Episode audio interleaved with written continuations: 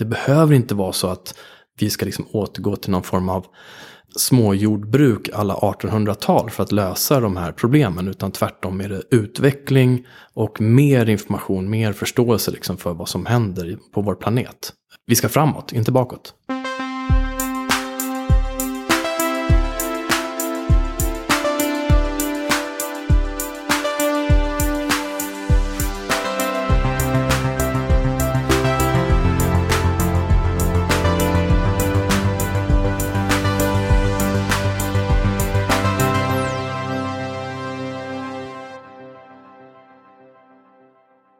Okej, vi är tillbaka med Heja Framtiden. Där Christian von Essen på Roslagsgatan 23, Kitchen Studio i Stockholm. Sitter här tillsammans med Magnus Askan. Välkommen till podden. Tack så mycket. Är det eh, jobbigt för dig att bli inbjuden först avsnitt 235 eller 240? 1000, 235 000. um, nej men det är okej. Jag tänker att jag, jag har väntat, jag har laddat, jag har hunnit stretcha ordentligt. Så att nu är jag superredo. Så Mm. det är, det är, jag tycker det är positivt. Bra. Eh, Jag tror många lyssnare kanske känner igen ditt namn i alla fall. Från eh, dels eh, IDG eh, som teknikjournalist och dels genom Warp News och Warp Institute. Ska vi dra kort din bakgrund och resa fram till idag då? Det kan vi göra. Um, egentligen började det faktiskt i en villa på övervåningen i skånska Klågrupp. Någon gång i början på, början mitten på 80-talet. Det här är ett sommarprat. På en brun heltäckningsmatta. Är det inte sommarpratet? Ja. Nej, men på den här bruna heltäckningsmattan så står det en apparat som är beige och har bruna knappar. Och den har någon lampa och sen är det en sån eh, gigantisk tjock-tv som står strax ovanför. Och eh, blinkar olika grafik. Eh, jag fick lära mig att det var sprites efter det. Och spela musik. Och jag bara, vad är det här? Det här är det coolaste jag någonsin har sett. Och det var ju naturligtvis en Commodore 64. Och sen dess har jag egentligen varit så här fascinerad och tänker att teknik är ju magi fast på riktigt liksom. Vi kan verkligen skapa magi med hjälp av tekniken. Eh, och det har varit min röda tråd genom hela mitt yrkesliv, genom mina hobbys och allt egentligen. Men jag är ju mer humanist än eh, tekniker egentligen, även om jag nog är ganska mycket båda. Så att det här har lett mig på en bana där jag har liksom eh, skrivit, eh, pratat, förmedlat information om teknik eh, genom mitt yrkesliv. Så det var liksom den övergripande historien. Mm. Men pluggade du någonting efter gymnasiet och så? Jag har eh, pluggat på lite olika högskolor och universitet. Så att jag har en examen, en eh, kandidatexamen i engelska faktiskt. Men jag har läst mediekommunikation och idéhistoria och massa olika ämnen. För att det är kul. Men jag är ju en, en stor anhängare av det här liksom, eh, laterala tänkandet, det tvärvetenskapliga tänkandet. Jag tror att det behövs många, många fler som, som har det. Att det blir lätt att hamna i stuprör annars. Så att, eh, go nuts på allt från väverikurser till, eh, jag vet inte, 7,5 poäng eh, kattkunskap. Vad som helst. För att det, det finns saker där som man liksom connect the dots, som man kan ha nytta av. Ja, jag håller fullständigt med. Det, jag är jätteglad att, att det blev ett bredare paket än jag hade tänkt mig. För min egen, för min egen del. Ehm, och eh, idag så är du, eh, kallar man det chefredaktör för eh, en uh, webbmediesatsning som heter Warp News. Och eh, jag ska, för transparens ska jag säga att jag själv har ju skrivit för eh, Warp News i eh, något år eller så i alla fall. Ett antal artiklar. Och det började ju som det klatschiga namnet Sveriges mest optimistiska Facebookgrupp. Precis. Hur? Ska vi dra lite kanske bakgrund till Warp Institute från början då? Mattias Sundin har ju varit med tidigare i podden men eh, det är ändå dags att uppdatera för det händer så sjukt mycket. Ja, och eh, jag var ju inte med riktigt ända från början. Jag kom in i, ett tidigt skede där Warp Institute egentligen var en serie med meetups. Och då såg jag på något sätt i mitt Facebookflöde att det skulle vara en meetup om den nya rymdkapplöpningen med min hjälte Christer Fuglesang. Så jag tänkte det här måste jag gå på, coolt. 300 pers ungefär, epicenter i Stockholm. Och upp kliver då eh, Mattias tillsammans med Patrik, eh, som var de två som, som drev det eh, då. Och eh, kände väl att de tryckte på ganska många av mina, mina knappar där. Att ja, men det här, nu fokuserar vi bara på möjligheter och lösningar under den här timmen. Eh, resten av dygnet, 23 timmar, så får ni gnälla och bara se problem hur mycket ni vill. Men just nu ser vi bara möjligheter och lösningar. Mm. Eh, plus rymd och det var många delar. Teknikoptimismen som kände, men det här är ju precis så jag känner. Eh, så att när de sen sökte volontärer, då var jag en av de som räckte upp handen. Och efter det så startade vi den här gruppen och eh, 2017 då så startades också formellt stiftelsen Warp Institute eh, som då ligger bakom även Warp News och driver det liksom i bakgrunden. Just det. Och idag är det dels sajt och dels Facebookgrupp med eh, hur många medlemmar idag? Jag tror vi börjar närma oss 13 000 mm. i gruppen. Och sen finns vi i alla sociala kanaler, men det är den, den största vi har eh, än så länge. Och det finns eh, en amerikansk filial. Det finns, eh, nu när vi talas vid så ska det precis eh, äga rum ett Warp Space Summit. Mm. I september så är det Warp Space Summit i Linköping. Sveriges största rymdkonferens sedan 80-talet någon gång. Eh, vilket ska bli riktigt kul. Och faktiskt första gången som jag ska få träffa mina medgrund medgrundare då. Eh, Rich Buller och Eric Porper som eh, kommer från North Carolina i USA. Eh, så att jag, jag, har varit med och eh, grundat den här, eh, det här mediebolaget. Men jag har fortfarande inte träffat dem fysiskt. Jaha, så det ska de, bli kul. De flyger in mm. alltså? De flyger in förhoppningsvis ja. om allting går, går vägen. Och sen så finns det också en eh, intressant crowdfunding-satsning. Är den kvar fortfarande? Där man samlar ihop privata pengar för att skicka upp en, eh, vad säger man, sond till en asteroid. Exakt. Eh, Beyond Atlas heter det projektet. Och där är ju Warp Space Program med då och eh, bidrar med pengar i form av en crowdfunding-kampanj. Och det här kommer vara den första privata missionen till en asteroid.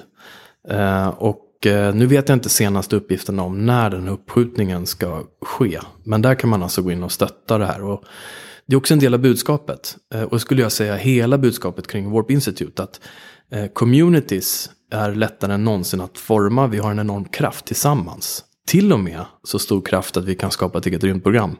Och skicka upp egna satelliter i rymden. Eh, vilket var helt omöjligt för kanske 20 år sedan. Så det är liksom lite proof of concept. Vad vi skulle kunna åstadkomma eh, tillsammans.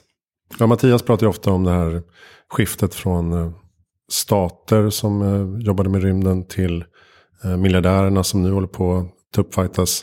Eh, till att det blir, kan bli renat eh, enskilda individer som faktiskt går ihop och stöttar projekt. Mm. Som faktiskt blir av. Och poängen är lite så här, om vi kan göra det, vad är det vi då inte kan fixa?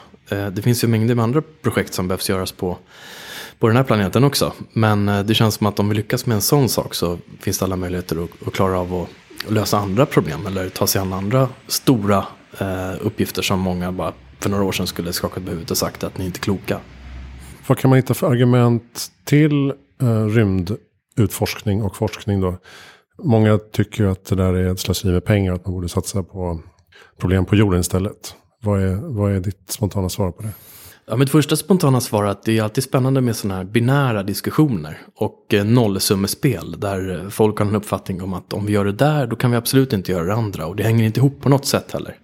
Eh, och det behövs faktiskt inte skrapa så mycket under ytan för att se att rymdforskningen redan har bidragit enormt mycket till mänskligheten.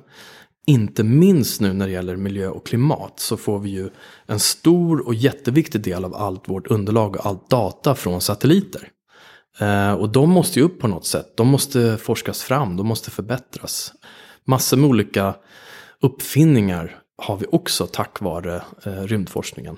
Mm. Sen tycker jag att det finns en Eh, om vi ska återgå till idéhistorien och filosofin och, och människans upptäckarlust. Eh, vi måste upptäcka vår omgivning. Det finns saker där ute som vi inte vet om. Eh, det är nästan samma argument som för, för grundforskning. Alltså, vi måste söka på platser som vi inte kanske nödvändigtvis har något exakt mål att söka på. För det finns saker där ute som är extremt viktiga. Och för allt i världen, liksom, vill vi inte försöka förstå vårt eget ursprung? Är inte det en fundamental uppgift för mänskligheten att försöka förstå varför vi är här? Vad finns runt omkring oss? Uh, jag tycker det är en enormt viktig och stor fråga. Mm. Plus att det finns sjuka tillgångar också.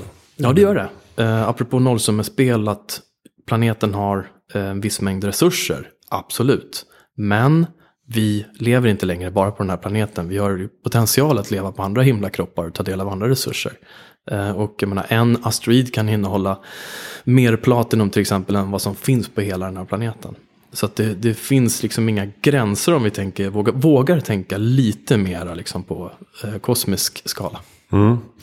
Jag har ett par avsnitt om just rymd, bland annat med Cecilia Hertz och Staffan Gustafsson. Även Mia Kleregård kom in på det. Eh, där man kan förstå bättre hur rymdarbetet bidrar till hållbarhet på jorden. Jag, tycker det, jag, jag tyckte det var ögonöppnande att förstå. Att lära sig odla mat i slutna ekosystem. Eh, sanitet, vatten, avlopp, luft. Alltså allt sånt eh, leder ju till enormt intressanta innovationer. Ja. För mänskligheten. För att komma till Mars så måste vi göra det. Vi kan inte ta med oss allt vi behöver. Och kan vi bygga ett slutet kretslopp som fungerar på en rymdfarkost, då kan vi definitivt göra det på jorden också. Mm. Då har vi någonstans eh, löst ett problem bara där. Du har varit mycket inne i green tech, alltså miljöteknik och um, hållbar energi och sådana saker i Warp News. Är det ett område som ligger extra varmt om hjärtat? Ska säga? Ja men verkligen, det är ju min hemmahamn i första hand. Jag har ju alltid gillat rymd också. Men uh, green tech-området är det jag brinner uh, definitivt mest för. Och uh, jättemånga skäl till det. Men jag utbildade mig till äventyrsguide på Nya Zeeland faktiskt. Uh, 99. Och alltid haft ett stort naturintresse. Men där blev det liksom nästa nivå på det. Mm. Och har sedan dess varit mycket i skog och natur. Och fått eh, ett väldigt starkt miljö och klimatintresse. Men däremot så har jag känt eh, Ehm, under en ganska lång tid att klimatdebatten har hamnat helt snett. Att det är så väldigt mycket eh, alarmism, eh, ja men domedagsscenarion och att man någonstans ska göra precis tvärtom det jag pratade om kring rymdforskning. Att man snarare ska backa och gräva ner sin grop någonstans. Och jag tror att det är ja, men det är totalt kontraproduktivt. Eh, jag tror att det finns de som redan Eh, tycker att det är en bra idé. Eh, de har redan de tankarna. Eh, övriga befolkningen som vi behöver få med oss på den här resan. de tilltalas inte alls av något sånt budskap och det för oss inte framåt. så att jag önskar att vi kan vara med och bidra till någon form av ny miljörörelse där vi ser att det här är till det bättre för både människa och, och miljö och natur. Det behöver inte vara så att vi ska liksom återgå till någon form av småjordbruk alla 1800-tal för att lösa de här problemen. Utan tvärtom är det utveckling och mer information, mer förståelse liksom för vad som händer på vår planet. Vi ska framåt, inte bakåt. Ja, det räcker ju att ta en titt på Warp News bland annat då och se att det sker väldigt coola saker dagligen nästan på det här området. Uh, vad, vad tycker du själv är mest spännande? Energi är ju helt fundamentalt naturligtvis för den här omställningen. Och eh, om jag ska välja några saker så tycker jag nog att dels är utvecklingen inom förnyelsebar energi. Eh, där jag tror de flesta fortfarande inte har en aning om vilken enorm utveckling vi har sett inom sol, solpaneler till exempel. På bara tio år så har kostnaden minskat med över 80 procent. Eh, detsamma gäller för batterier. Vi ser en otroligt eh, driv nu liksom, inom hela det här området. Idag genomsyras ju jättemycket av hållbarhetstänket. Men, men just inom energiområdet så ser jag att det, det, går, det går himla fort. Och det är så jäkla coolt att se de här lösningarna på plats och fungerar. Jag kan se dem på villataken hemma där jag bor, hur det ploppar upp vartefter. Och nej, men det är inte lösningen på alla problem, men det är en sån fundamental del och inte bara här i Sverige utan hela världen energi är liksom grunden för att kunna göra det andra. Mm. Ni pratar ofta om, eh, alltså Warp News vilar på något slags fundament av framtidsoptimism. Och det är väl, eh, kan man säga, det kan man säga att eh, Heja Framtiden gör också. Um, att man hellre pratar lösningar och möjligheter än um, problem och hinder. Ni pratar ganska mycket om just vikten av framtidsoptimism. Varför är det så viktigt, tycker du? Vad är liksom grundargumentet? Ja, men det finns flera skäl. Vi har ju pratat mycket om att vi är bekymrade över att ungdomar idag har en väldigt pessimistisk syn på framtiden och en, en oro. En viss del av det kanske är att vara ung. Liksom. Vad ska hända med mig nu då? Vad ska jag bli? eh, kraven och ja, så vidare. Men jag tror också att det beror på att vi idag har ett medielandskap där även ungdomar blir bombade med nyheter hela tiden och de allra, allra flesta av dem är väldigt negativa. Man belyser hela tiden det som går åt helskotta. Eh, och har man heller ingen historisk kontext på det sättet som man får med åldern, då, då är det ju lätt att bara känna sig totalt överrumplad och överkörd av allt det här. Men jag skulle också säga att om vi har en situation där en stor del av mänskligheten tror att de institutioner och det system vi har byggt en stor del av vår civilisation på är på väg att fullständigt braka ihop. Då göder det här eh, jättedåliga och farliga krafter på ytterkanterna eh, som verkligen riskerar att skapa stora problem. Alarmism överhuvudtaget är liksom inte bra. Man löser saker genom rationellt förnuftigt tänkande. Det handlar inte om att ignorera problemen utan istället använda vetenskap för att ta fram lösningar och fokusera på det. Mm. Eh, och eh, har man inte optimismen att lösa någonting, om man inte tror och fokuserar på att lösa någonting, då blir det ingenting av det. Liksom. Jag brukar säga att eh, cynikern eller pessimisten riskerar ingenting. Det är väldigt lätt och bekvämt att säga att det där kommer aldrig gå. Mm. Det går åt helvete. Mm. Då behöver man inte försöka. Never try, never fail. Det är, det är väldigt eh, härligt. Men eh, ska man komma förbi alla de här svåra pucklarna så måste man ju hitta folk som faktiskt tror på det de gör. Och har visioner. En eh, entreprenör måste tro på det man gör i sitt företag. En forskare måste ändå tro att man kan stärka sin hypotes på något sätt. Så jag, jag är helt med på det spåret. Vad, vad är den vanligaste invändningen ni får? Skulle jag, säga? Ja, men jag har fått flera gånger höra att det vi gör är farligt. Därför att det här kan få människor att bli passiva. Att de tror att allting går bra. Och då gör folk ingenting. Och då brukar jag ställa motfrågan. Okej, okay, men känner du så? När jag berättar om de här positiva nyheterna. Känner du att du blir passiv? Och, och eh, inte gör någonting. Liksom. Du, du ser inte att det finns några problem att lösa. Nej, nej, nej, nej. Inte just jag. Men de andra. De förstår inte. De måste vi skrämma för att de ska fatta att det ska göras någonting. Ehm, så att det finns en ganska hyfsad dos med elitism och översätteri där som jag tycker är, ehm, ja, det är för jäkla vidrigt helt enkelt. Att, att ha den attityden. Så att det, det är en ganska vanlig feedback. Um, å andra sidan då så kan man säga så här att ja men vi tycker inte heller att någon bara ska läsa Warp News. Utan det handlar ju om att det är inte längre 1978 och vi har två tv-kanaler. Utan folk får ju idag en mediamix. Och vi ska vara del av den mediamixen för att balansera upp de här negativa nyheterna. Idag mm. får ju de allra flesta ett flöde med nyheter. Och ser man bara sprängningar, skjutningar, bränder, översvämningar, mm. barn dör, elände så här om man kan väga upp det med några andra saker som faktiskt går åt rätt håll, då tror jag att man får en mer balanserad bild av världen. Eh, lite Hans Rosling, liksom, mm. eh, warp style i eh, nyhetsflödet.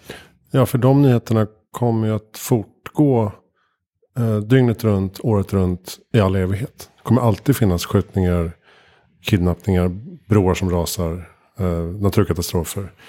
Nyheterna är ju liksom inte ett destillat av vad som har hänt en dag. Nyheterna som de fungerar, åtminstone i, första hand på kvälls, inom kvällspressen, det är ju en rapport om det värsta som har hänt den här mm. dagen.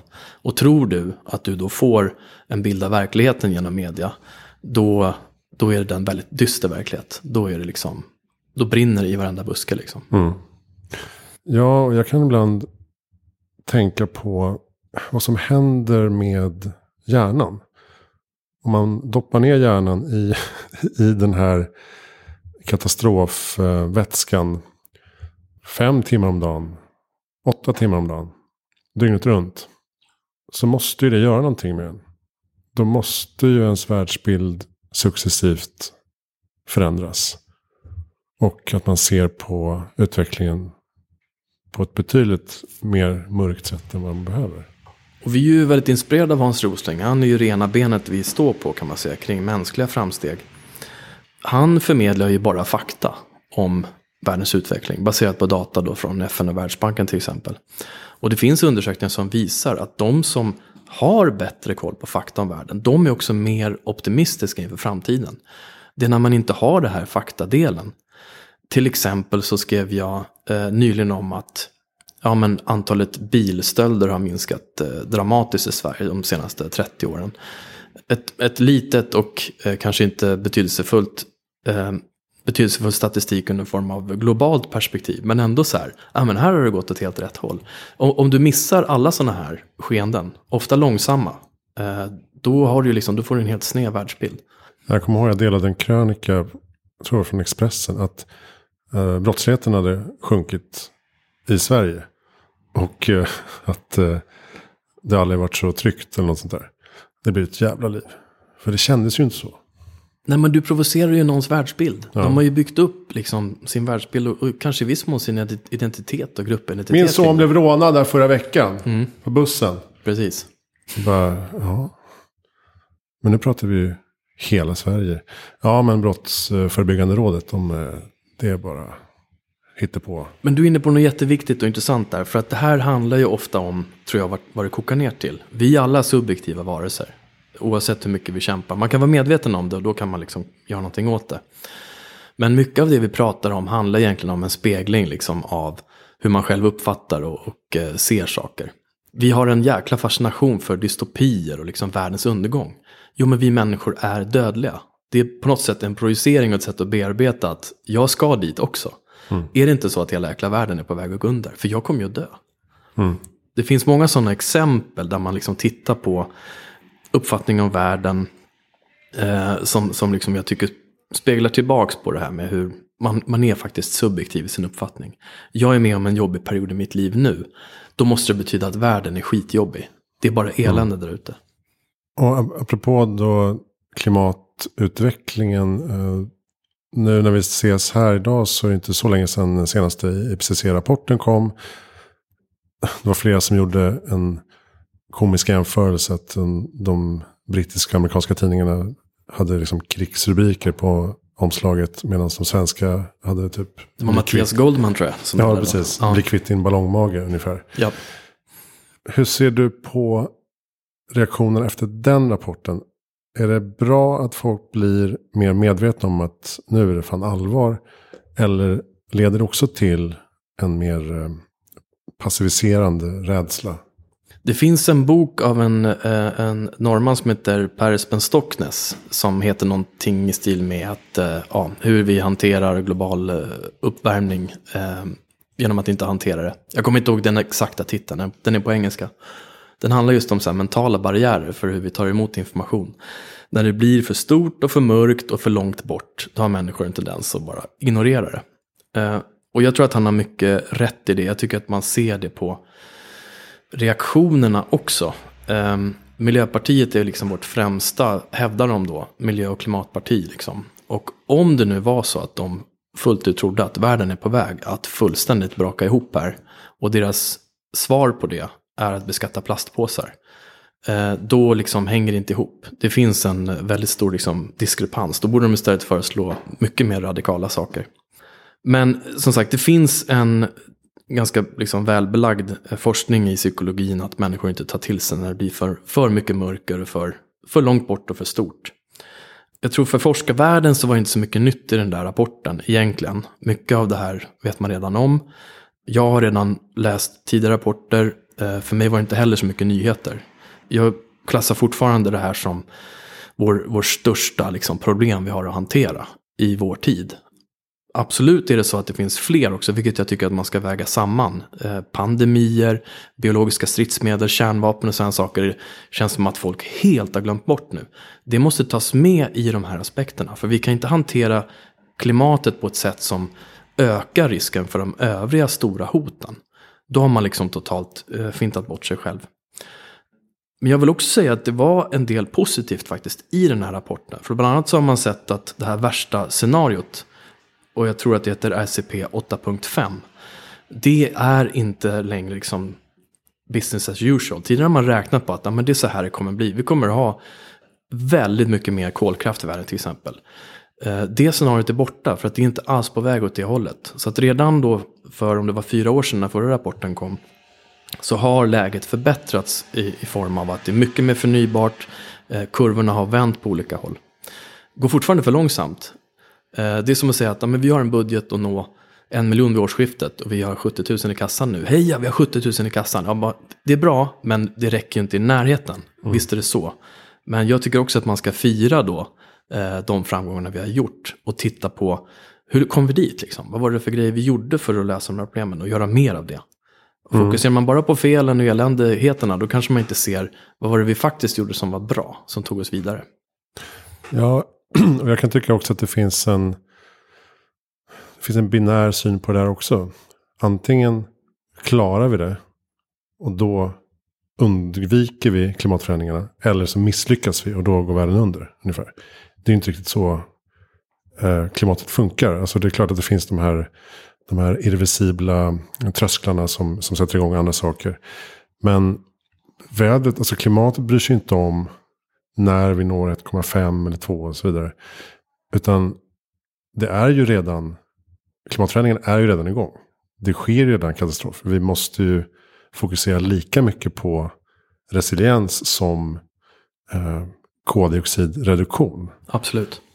Och det tror jag börjar eventuellt eh, landa nu. Att så här, vi kan inte bygga städer, hus eh, på det här sättet. Om vattenytan kommer att öka, eller höjas med två meter. Då måste vi bygga på ett annat sätt. Ja, men jag håller med i det här binära tänkandet. Och det är också i form av en mediakonstruktion. Det, där finns det också finns det här. Deadline. Att, exakt. Och det finns också det här eh, George W. Bushiga liksom. Är du mot oss eller är du med oss? Så här. Säger du inte att det är eh, Använder du inte hela den här vokabulären med klimatupphättning, klimatkatastrof, klimatkris och använder alla dina utropstecken du har, ja, men då tror du inte på det här på riktigt. Och då är du i fiendelägret. Då är du förnekare. Då, ja, men då blir de, eller förvillare har man börjat använda nu istället. Jaha. Och jag tror att det där är liksom också så här, totalt kontraproduktivt. Eh, nej, som du säger, det finns ingen liksom exakt deadline här. Det är otroligt eh, komplext. Allt vi gör som går i rätt riktning är bra. Liksom. Allt sånt bör ju firas. Alla omställningar vi kan åstadkomma är positivt. Eh, låt oss kämpa på, liksom. låt oss stötta varandra istället och försöka göra bra grejer. Mm. Eh, låsning, men det finns också en jättetydlig politisk dimension i det här. Eh, jag gick ju otroligt naivt in i den här green tech eh, liksom, satsningen som, som vi gör. Vi rapporterar ju väldigt, väldigt mycket om green tech-området. Eh, och trodde att men vi kanske kan hålla oss helt opolitiska. Vi rapporterar bara om de framförallt tekniska lösningarna som finns och liksom framgångarna vi gör. Men det var inte så enkelt. Det finns en väldigt tydlig politisk dimension. På vilket sätt? Eh, nej men alltså, om man ska vara lite eh, fruktorienterad så kan man kalla det för vattenmeloner. Det finns de som är gröna på ytan men det är knallrött hela vägen in. Och deras egentliga kritik handlar ju om eh, vårt kapitalistiska eh, system. De, de tycker att det är orättvist och fel och det är det som är orsaken och skälet till allting som har gått åt helskotta. Och då är det det vi ska attackera och gå på. Fullt förståeligt liksom. Och eh, helt relevant liksom, eh, kritik eh, skulle man kunna tycka om man, är, om man är på den politiska kanten. Men sen finns det de som mer ser det som ett ingenjörsproblem att lösa, ett tekniskt problem att lösa. Och där tillhörde tydligen jag den skaran till ganska stor del. För att jag tyckte inte att jag såg så mycket politisk dimension utan okej, okay, vi har ett ingenjörsproblem vi måste fixa. Vi får fram energi på ett jättedåligt sätt. Hur gör vi det bättre? Hur ser vi till att förbättra vårt liksom, livsmedelssystem? För det funkar inte alls bra idag. Det, det är skräp. Och hur ser vi till att inte eh, våra skogar skövlas? Och så vidare. Liksom. Men som sagt, där, där märkte jag att det, för vissa finns det en jättetydlig politisk dimension i det där. Men tycker du att det finns någon klimatpolitik som är verkligt spännande och eh, långsiktig och visionär? Alltså, jag tycker egentligen finns det ett politiskt styrmedel som borde införas omedelbart liksom globalt och det är ju koldioxidskatt.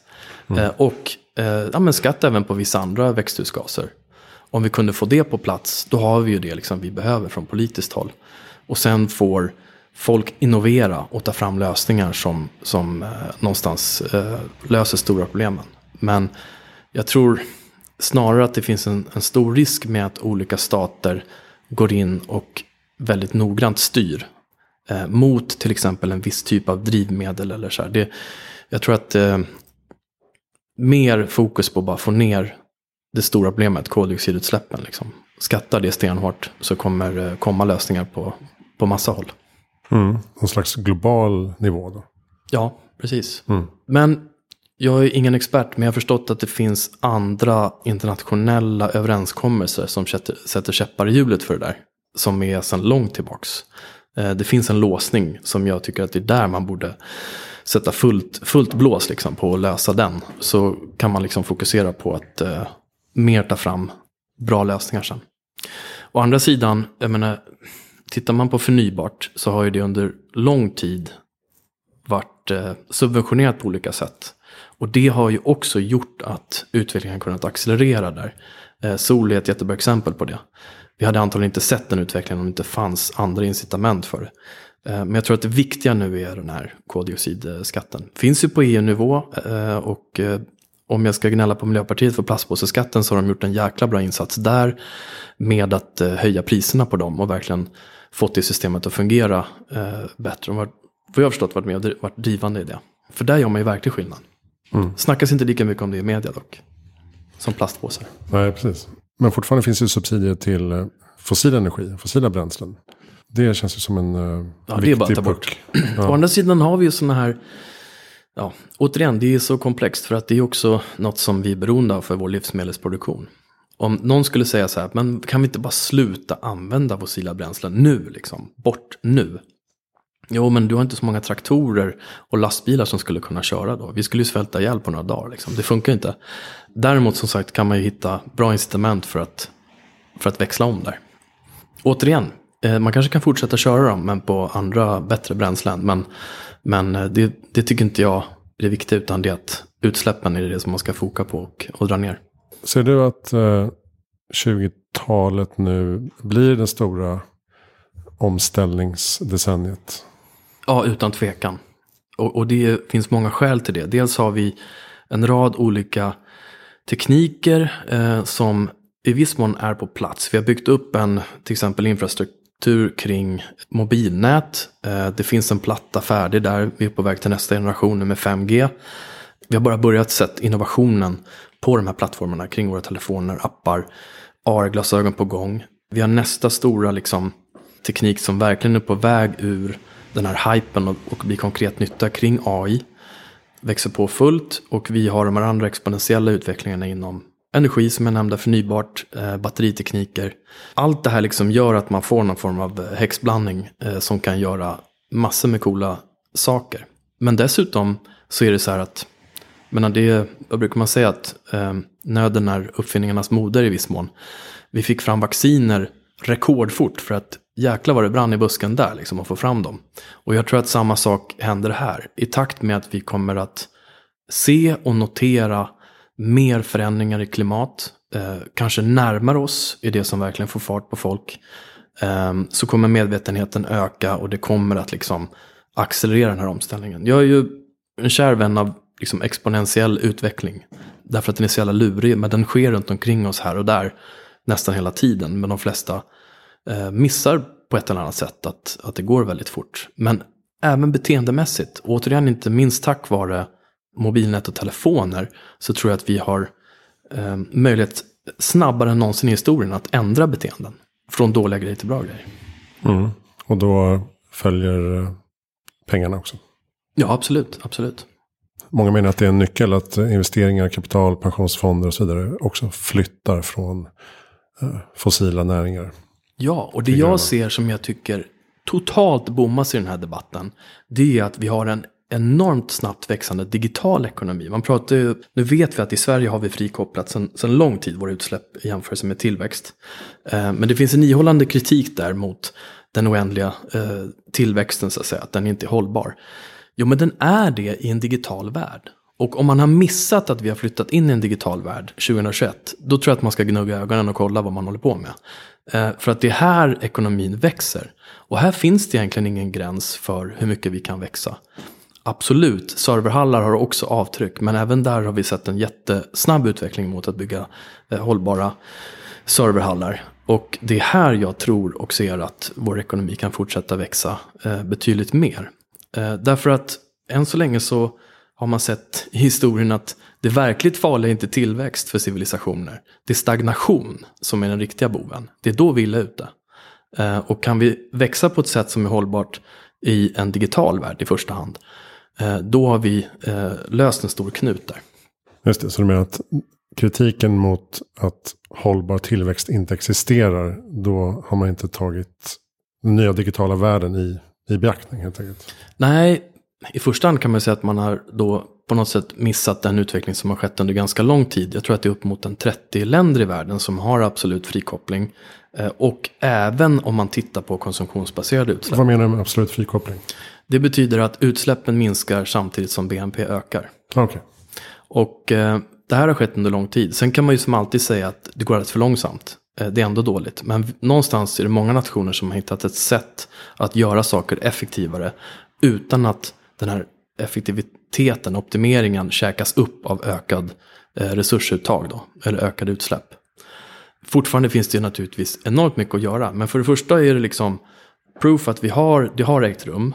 Eh, vi kan se inom flera områden att, att, att det funkar så. Dessutom har vi nu en helt ny form av tillväxt inom områden eh, som är helt digitala. Kolla på USAs tio största börsbolag. Vad är det för företag? Vart är det det växer? Det är liksom egentligen inte rocket science där. Jag tror de flesta kan se, eh, om man tänker efter, vart det är på väg. Och då betyder det att fler jobb, mer pengar i systemen, mer välstånd behöver inte innebära ökat eh, resursuttag. Historiskt har det på många platser varit så, även om som sagt vi har frikopplat. Men det behöver inte alls betyda att framtiden ser ut så. Vad är ditt bästa tips för att göra världen bättre i framtiden?